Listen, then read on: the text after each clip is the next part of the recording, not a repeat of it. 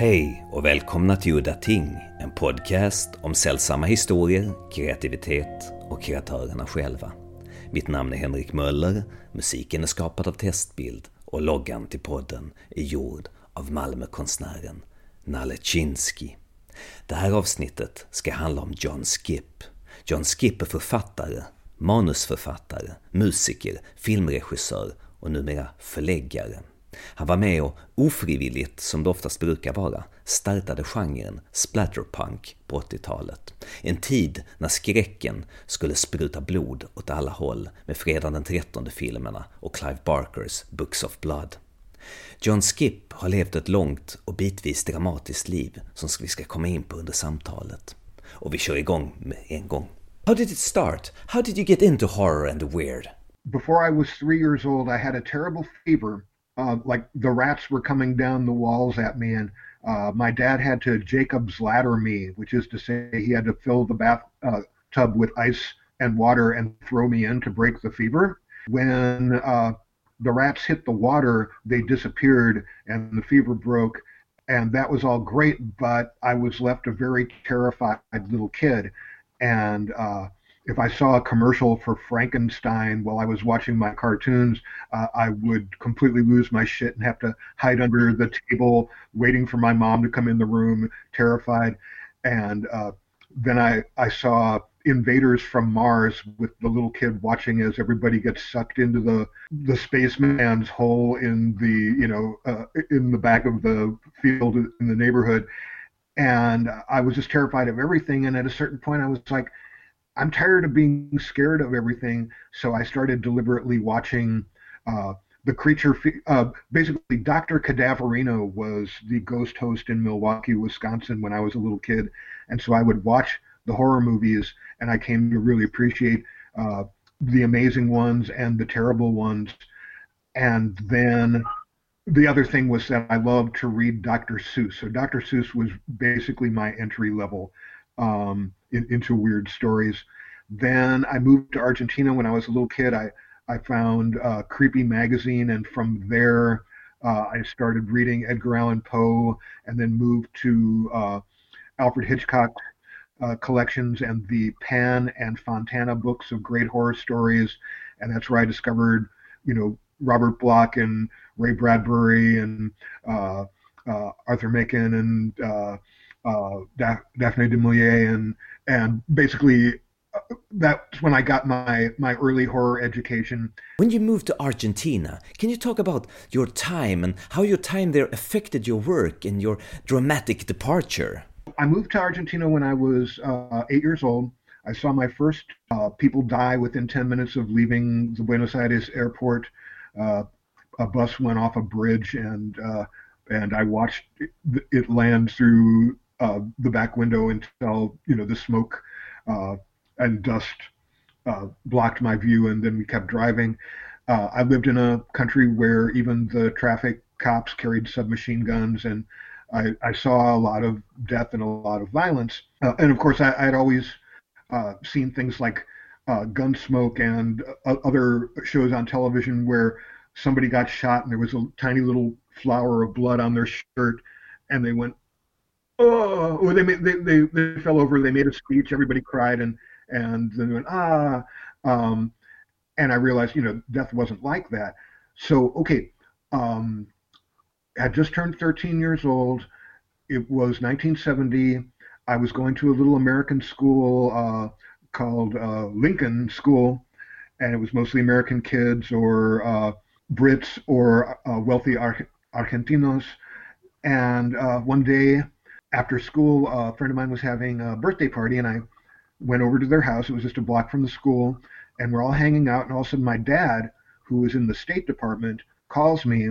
My dad never called me, uh, and he said, "You have to come home right now." And I'm like, "We haven't opened the presents yet." And he's like, "Right now."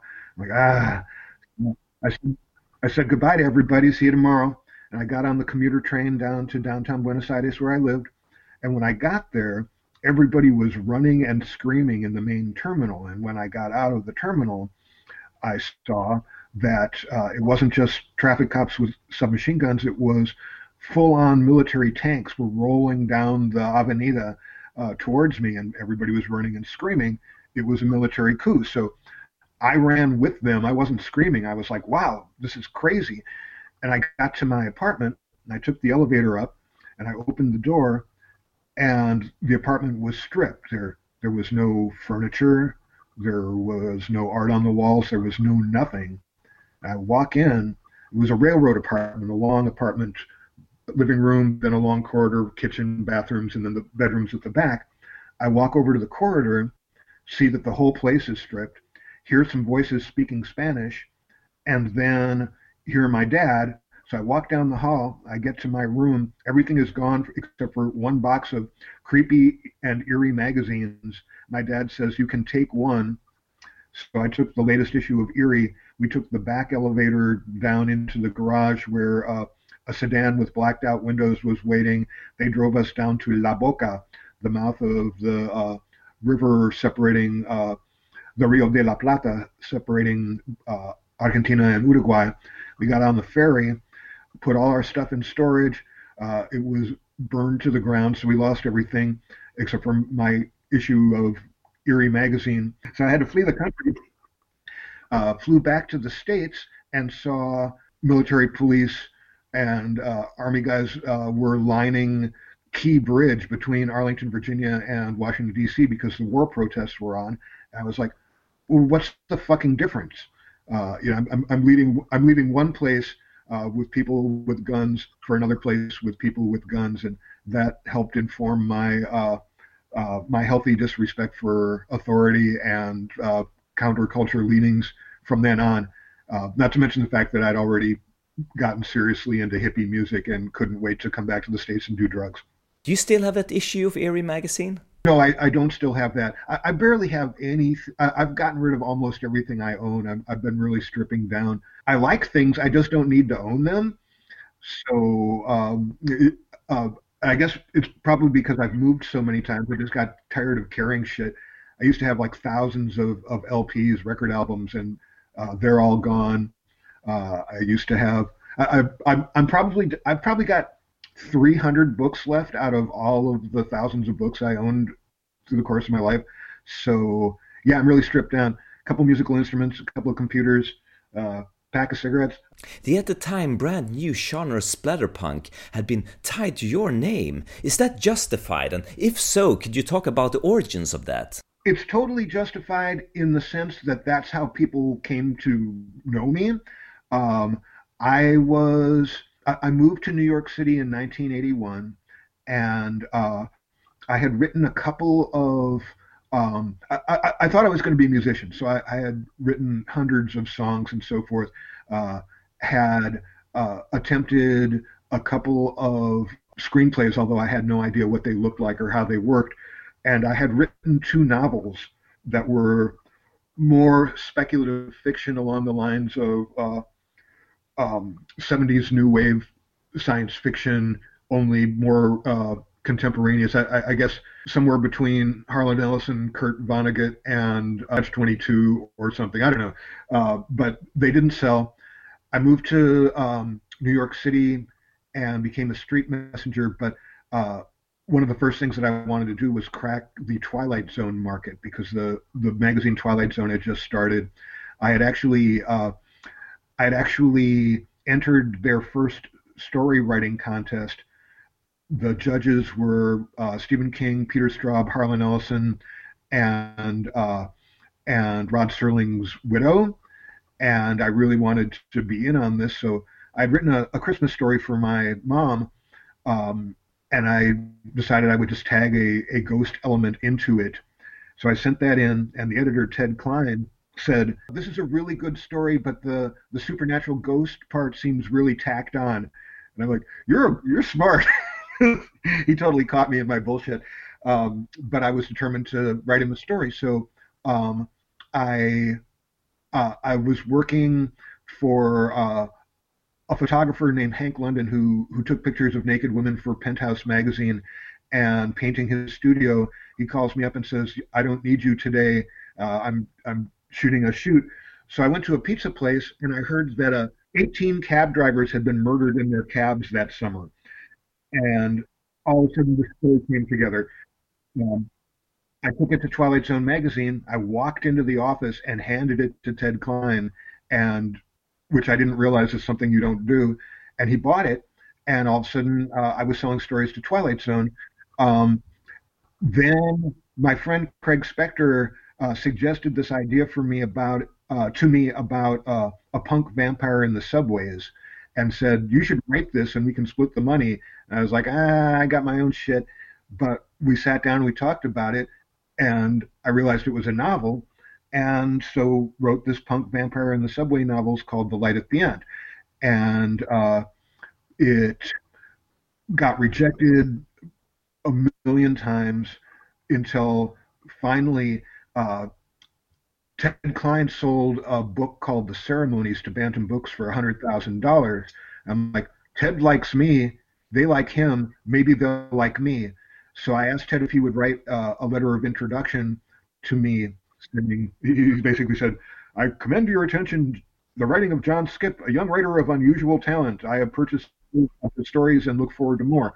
Uh, wrote a one-page query letter for the light at the end, uh, threw Ted's letter on it, uh, handed it to Craig. Craig delivered it as a messenger to Bantam Books at 666 Fifth Avenue. Um, and long story short, uh, Lou Aronica bought it, and uh, a year and a half later, the book came out and sold a million copies, and all of a sudden we were sort of famous New York Times best-selling writers uh, writing about punks and street people in New York City.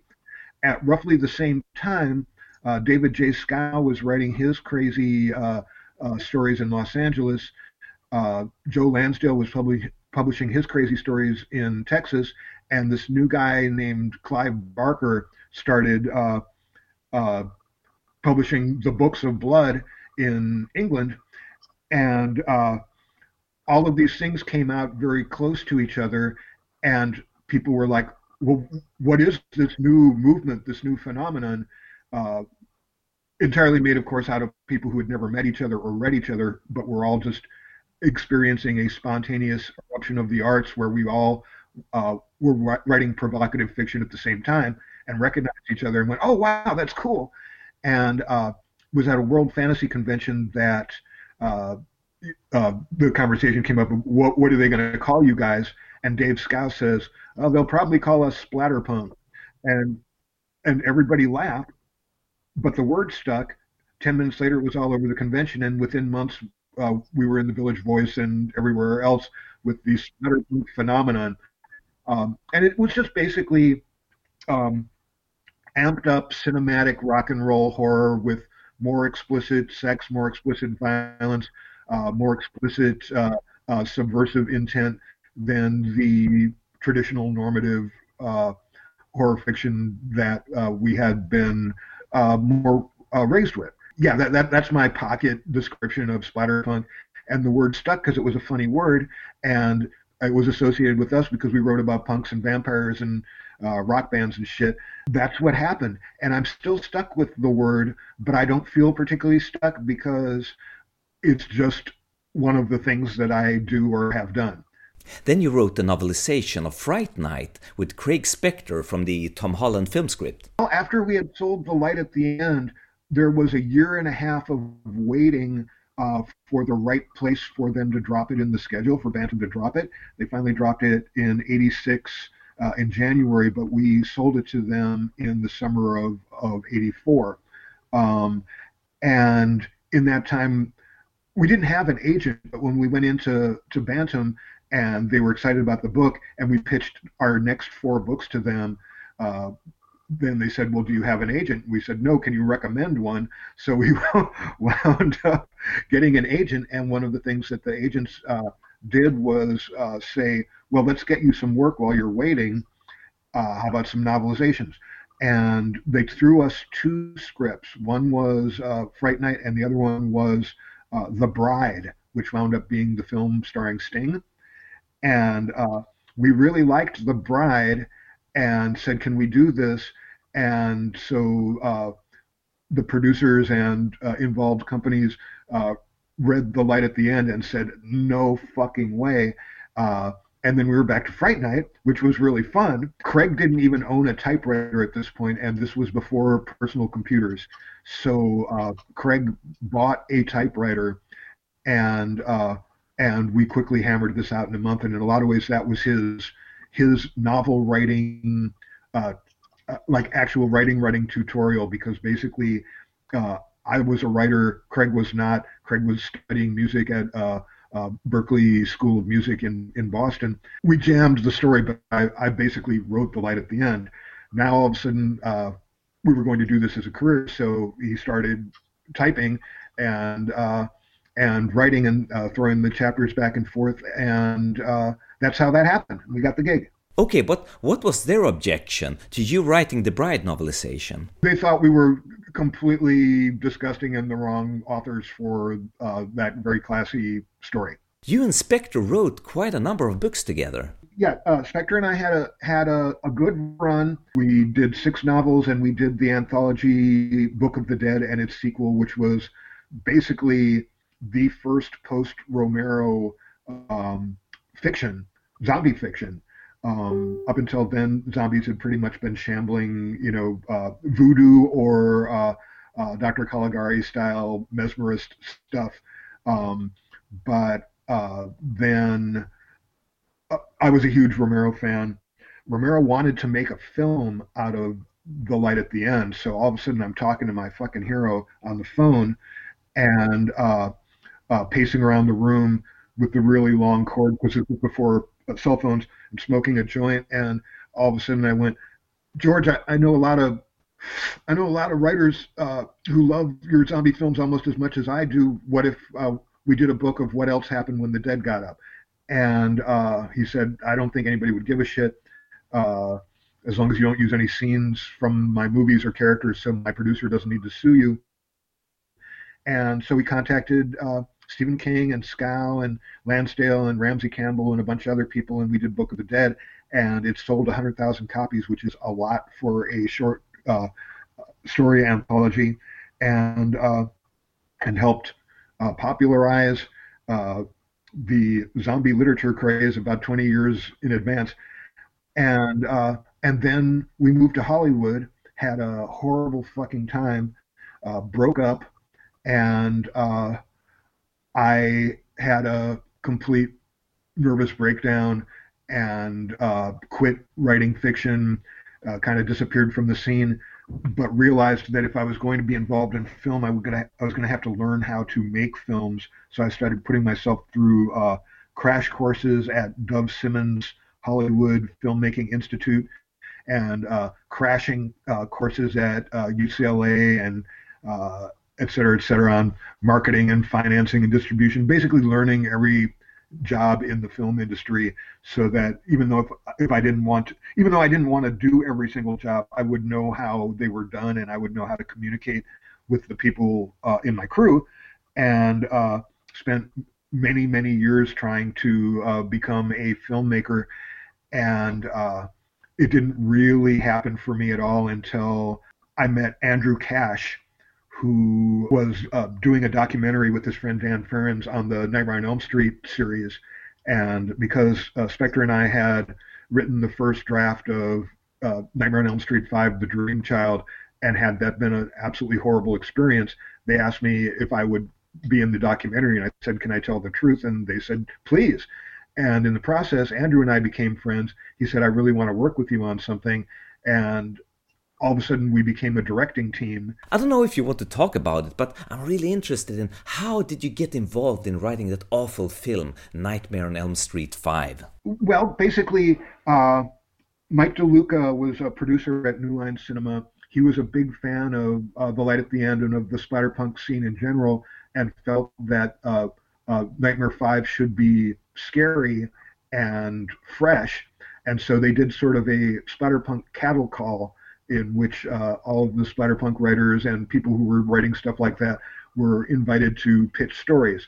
And their their one uh, their one central thing that they wanted the story to have was that uh, Alice from the fourth film was pregnant, and that the uh, that Freddy wanted the baby.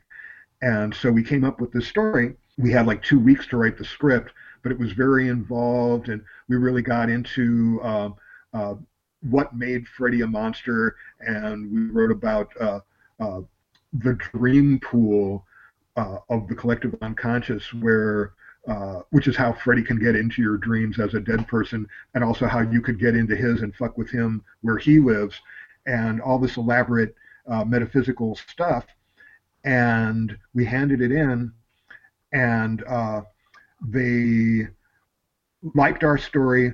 Meanwhile, they had another uh, writer, another producer had another writer uh, that she wanted to have do the script.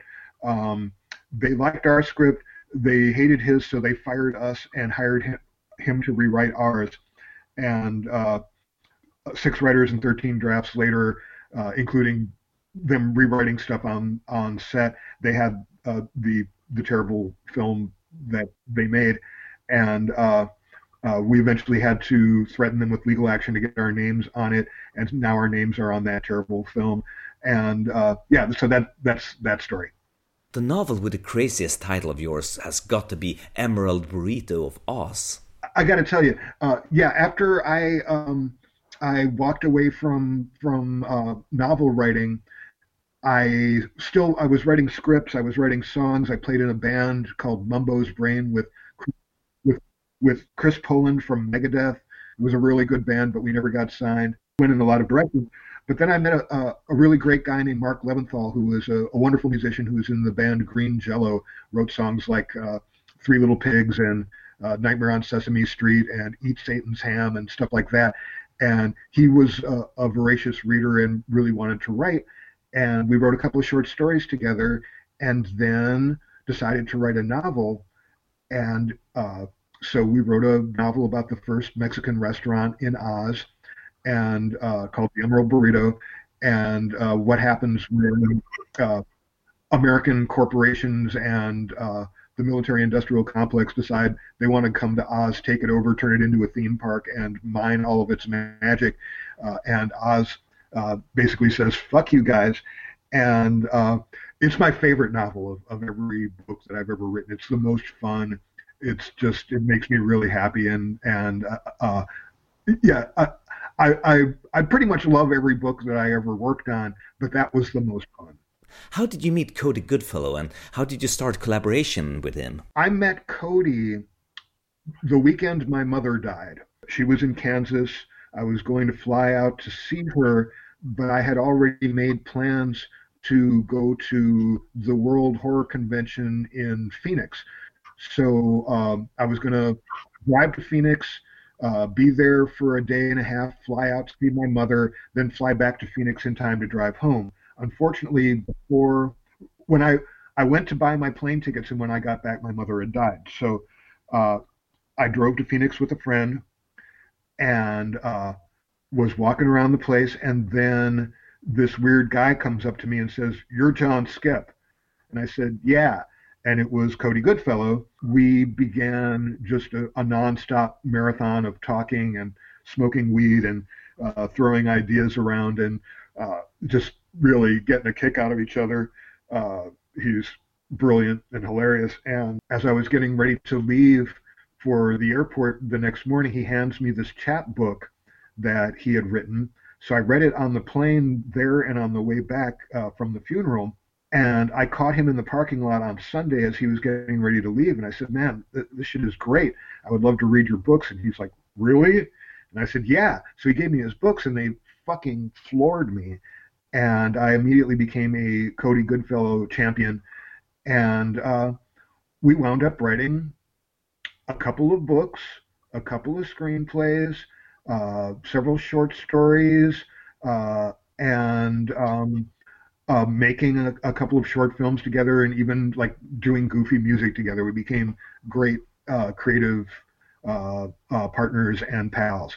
And uh, yeah, I, I, I think of the books that we did together, uh, the last goddamn last goddamn Hollywood movie is definitely my favorite. I think it's wonderful. Um, it's mostly Cody, and I went in and steered certain shit. Uh, Cody at that point was writing in giant slabs of prose, and I kind of forced him to break it into smaller chunks. broke the chapters into tiny chapters with funny film-related headings, and uh, and added a bunch of other stuff. But Cody was the real genius behind that. I, I was pretty much uh, just batting cleanup. Did you write any scripts that never got made that was memorable, so to speak? The funnest one, the most ridiculous one, uh, was a script called Willikers about clowns who fight monsters. We were never able to get any mileage on that script, but we did wind up doing a short film. Uh, Cody wrote the script uh, from characters that uh, that he and I had developed, and Andrew Kasch and I directed the short film called Clown Town. It was meant to be uh, the pilot episode for a TV series. This first episode was called uh, An Honest Mistake. Yeah, it's just basically drunk, unemployed circus clowns uh, who wind up fighting monsters because I was really, really tired of uh, clowns being the bad guys. I love clowns. I think clowns are great. Uh, they don't scare me at all. Uh, what scares me is how scared everybody is of clowns. Um, and so we made this really stupid, fun short film, and we're still trying to get that TV show made. And if we ever get that TV show made, maybe we'll get to make the feature length version called Willikers. Okay, so what's the difference between the TV version and the feature film? Millions of dollars, and um, and uh, just the fact that um, for the short we really pared it down to. Uh, the two main clowns, Bombo and Flopsy, and uh, uh, their quote friend unquote who really wants to be a clown, and then a couple of uh, basically Cirque du Soleil style Euro clowns um, who wind up being vampires, and um, and so yeah, it, it, it's just it's ridiculous. It's 15 minutes long. It's really fun. I should send you a copy. You can post it uh, uh, along with this interview if, if, if you care to. I, I, love directing. I love directing with Andrew. Um, we did a number of things. The biggest thing that we wound up doing together was uh, one of the stories in the feature film Tales of Halloween. We, we did a short in there called uh, This Means War, starring uh, the great comedian uh, Dana Gould and James Duval, who you may remember from Donnie Darko, Independence Day. Uh, yeah, so we made this crazy uh, film about Halloween haunters, uh, the, the guys who, who build uh, yard displays, and what happens when somebody who Dana Gould loves the old Universal horror films, and it's all very classy and black and white and so forth. And the guy across the street who moves in is total Rob, Rob Zombie with uh, tits and intestines and, and gross shit all over the place. And what happens uh, when they do not agree? So it's, it's it's really fun. Have you seen that shit? Nope. It's the biggest directing credit that I have right now. Although I'm looking forward to hopefully directing a feature next year. This, it's called Doppelbanger, and uh, it's a it's a horny, uh, bizarro comedy horror doppelganger movie. I've heard that you were an extra as a corpse in Clive Barker's Nightbreed. We had become friends with Clive, and uh, we were also friends with uh, with Fangoria magazine and uh, and so forth. So we wound up flying out to England for two weeks to basically write set reports on Nightbreed, and in the process, uh, Craig and I wound up uh, playing two different types of Nightbreed, both of which were cut from the film, and then being the dead guys in the hotel room with the House of Cards, which actually made it into the film. I, am the guy with my head on the table in the pool of blood next to the car, uh, the House of Cards, and Craig's uh, slumped back in a chair. And we're wearing like uh, Loyal Order of Moose helmets or something like that. So that uh, we had just gotten off the plane in in London, and were driven out to uh, out to Pinewood Studios. Got there about 3:30 in the morning. Walked in, and Clive said, "Oh, you're just in time for your scene." We're like, "What?" so that's what happened there. We got to hang out on the set for a couple weeks, and uh, we were there when they blew up Midian, and uh, it was a blast. It was a blast hanging out. Was there any story connected with you playing that corpse? The thing that happened was we get there at 3:30 in the morning. Uh, Clive throws us into fucking costumes, and uh, I hadn't slept. I had to lay my head on the table in the pool of blood, and of course fell asleep with my head on the pool of blood. So they were uh, they had to shoot very they, they had to they had to edit very discriminatingly uh, to get me uh, not breathing or having uh, uh, rapid eye movement behind my eyelids. Okay, so what's the story with your porno film with that singing penis? so yeah, um, that was really funny. Uh, one of my best friends in Los Angeles and uh, somebody who I was a housemate with for a very long time was Veronica Hart, who was a famous porn star in the 80s and who had uh, switched to the other side of the camera as producer of hundreds of films and director of probably dozens. And one day I came home and saw uh, the original Misty Beethoven, uh, the opening of Misty Beethoven sitting on the dining room table. And I said, What's that doing here? That's my favorite porn film. That, that's the first porn film I ever saw. And it was wonderful. And she said, Oh, uh, um, I, I've been hired to remake it. And I said, Oh man, I would love to write that and she said, "You're hired." Fuck. Okay, so um, I'm thinking about it, and uh, at that point, I was watching a lot of um, uh, musicals, contemporary musicals. I was watching uh, uh Hedwig and the Angry Inch, and uh, Rocky Horror, and Phantom of the Paradise, and uh, a few others. And I'm sitting in my bathtub the next morning, and all of a sudden I hear this Dun dun da dun dun dun da dun dun dun dun da dun dun dun da dun dun. I'm like, what is that? Oh, that's the opening song from Misty Beethoven the musical. So I jump out of the bathtub and I run downstairs where there was a drum set, uh, a bass, guitars, a few other instruments, and I start. I, I, figured out the drum beat. I figured out the bass groove. I got a couple of uh, uh, Janie Veronica Hart's uh, sons who were both musicians to play the parts. And I'm like, oh, okay, so this sounds great. Ran upstairs, wrote that song.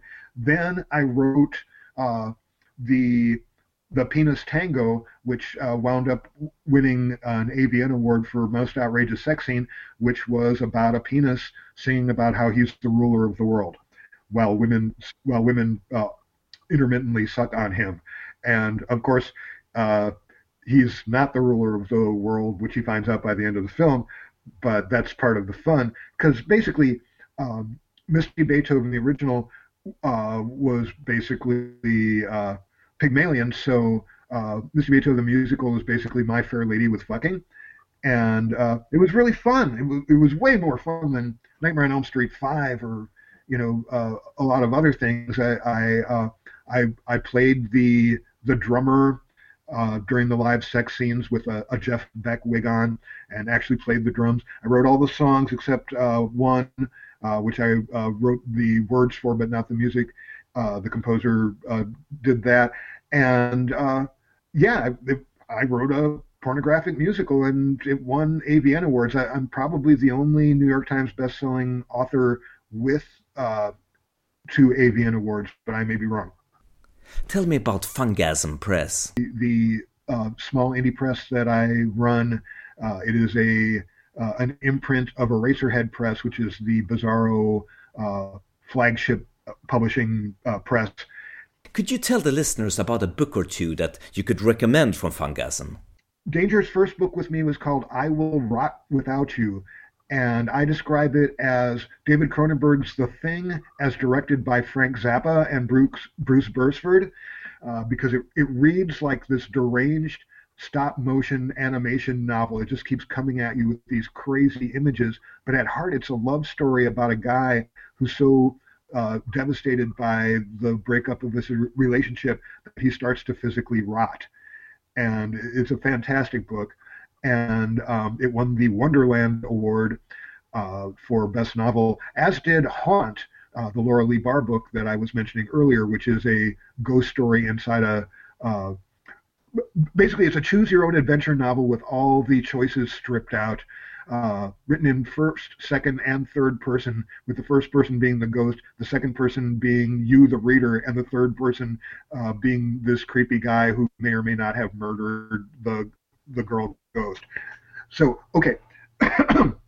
another Danger Slater book, which was released this year, which I think is my favorite, is called Impossible James, and it is his most Vonnegut but it's basically about a guy, uh, an inventor, uh, failed inventor who uh, discovers that he's going to die, and then sticks a ice pick in his forehead uh, becomes pregnant and discovers the secret of eternal life. And I don't know what else to tell you except for that it's fucking hilarious and completely deranged.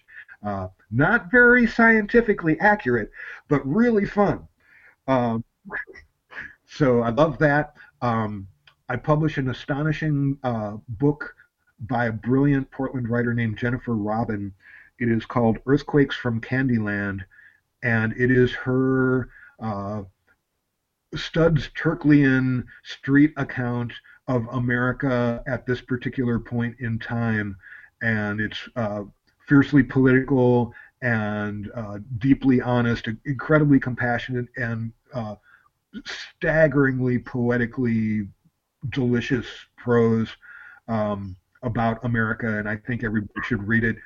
Uh, I published uh, an incredible collection of what I would call cyber splat fiction, uh, which uh, is both scientifically and splatterifically uh, punk as fuck by an author uh, named S.G. Murphy. The name of the book is The Worst That Could Happen, and I, I, just highly recommended it to Richard Stanley the other day because I think it's right up his alley. Really amazing, amazing stuff. Uh, sort of along the lines of, of Cody Goodfellow's uh, weirdest, most ambitious science fiction horror crime hybrid weirdness. Um, I'm about to publish in two days um, a book by a writer named uh, John Bowden called Spun Gunyon. It is a Lynchian blue collar uh, haunted road movie novel. Uh, it's heartbreaking. It's wonderful. It's, it's so just emotionally honest and and riveting. It, it's a spectacular mythic uh, uh, blue collar truck driving dream, and I think it's really fantastic. All, all these books are great, and the uh, the last one, which came out a couple of weeks ago, uh, which uh, the wonderful Heather Drain uh, and I uh, spent six years working on is the Bizarro Encyclopedia of Film Volume 1, in which uh, we lay out 1,650 Bizarro films in a imaginary Bizarro video store, category by category.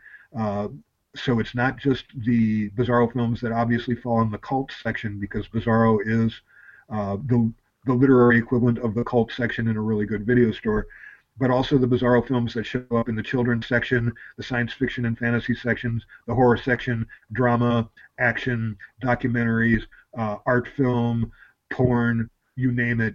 Uh, bizarro is there, and just trying to get the word bizarro to get the mileage it deserves as a descriptor for um, the art of the weird. You wrote two episodes of the new Creepshow TV series. The one that I really like is called Musky Holler. Could you tell me how that story took shape? It's a really interesting story.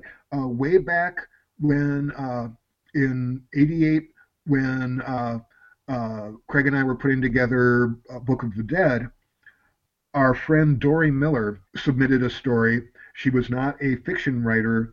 It was not uh, you know, it was not at the level of Stephen King or or Dave Schow or, or you know those great people that we were accepting, but it had this central premise that was so brilliant. Our friends in the horror business have been talking about it for 30 years, and the premise was basically of live pie of a zombie pie eating contest in a in a small, uh, you know, like Appalachian or backwoods town and uh, this town's way of dealing with the insanity. So uh, a couple of years back, I was invited to write a, a, story for a book called Appalachian Dead, which would have been uh, Appalachian zombie stories. And so I, I called up Dori and asked her if it would be cool if I uh, if I ran with her riff and wrote a story for this book, and we would share credit and we would share the money. And she said, sure. So I wrote it and uh, sold it, and then uh, Creepshow was announced, and I contacted Nicotero and said, "Fuck, I would love to write for this show." And I pitched him a couple ideas, and nothing really floated. And then one day, he says, "Hey, do you remember that story about the that zombie pie eating story, the contest? Do you know who, who who wrote that?" And I said, "Yeah, I did with Dori." And he said, "We won it." So um, basically, Dori and I sat down and figured out how to adapt it to uh, a 20 minute film story. Actually, we only got 14 pages. We got 14 pages of script. Uh, our, ours was the little one, but uh, we decided that in order to uh, to not have it just be uh, a nice person wanders into a town and, and a horrible thing happens to them, that we would have to uh, build some structure to it, and we wound up talking about politics and our favorite uh, uh, contemporary United States president. Of course, everybody loves him, and uh, um, what it would be like if he got his face eaten by zombies because he was a, a, a double-crossing, uh, horrible, manipulative man who uh, uh, had seized power and and used it abusively and terribly, and so wound up writing "Times is Tough" in Musky Holler, and uh, modeled the main character uh, not only after our but also after Lonesome Rhodes, the Andy Griffith part in the classic film Face in the Crowd, uh, and uh, just had him as this kind of southern bellicose fellow. And um, they made it, and it's pretty good. Each episode consists of two shorter episodes, and the first one I saw was the World War II uh, story with the werewolves in Normandy. But the one I really like was the one that came after that called The Finger, and I think that was directed by Greg Nicotero of KNB Effects. They basically they did one pretty traditional story and one really weird story every episode. And it was usually the traditional one first and then the weird one last. And the only time they switched that around was for the last episode where the Loch Ness Monster story, which is the normal one, last, and uh, uh, skin, skin crawlers first. But yeah, I would I would always be in favor of the weird ones. It's impossible to cover all of your works in a single episode. You have done so much. You really are an inspiration to all creative people. I'm very, very happy to have not died yet, uh, to make it all the way to, I'll, I'll be 63 years old in a couple of months. Never expected to live this long. The fact of the matter is, by still being here and still creating every day more cool stuff pours out if you work every day if you if you approach your your art with discipline and and uh, love and you know the the joy that comes from I can't wait to get back and work on this thing some more it really piles up I, I, I've, I've done so much work over the years, you know, so much stuff that we could barely even tickle, you know, the half of it in this conversation. And we talked for a fucking hour. Yeah, I, I think I just really want to encourage people who, who love making art to, whether you are financially successful or not, sometimes, you know, I make things that I really love and nobody cares. Sometimes I make things I really love and people care uh, you, you never know what people are going to like, and that can't be the reason for doing it. But doing it, just doing it for the love of it, is the best. It's the thing that gets me up every day. And after a while, you realize this shit piles up. Ja, och med de orden så säger vi hej då för den här gången. Mitt namn är Henrik Möller, musiken är skapad av Testbild. Hej då!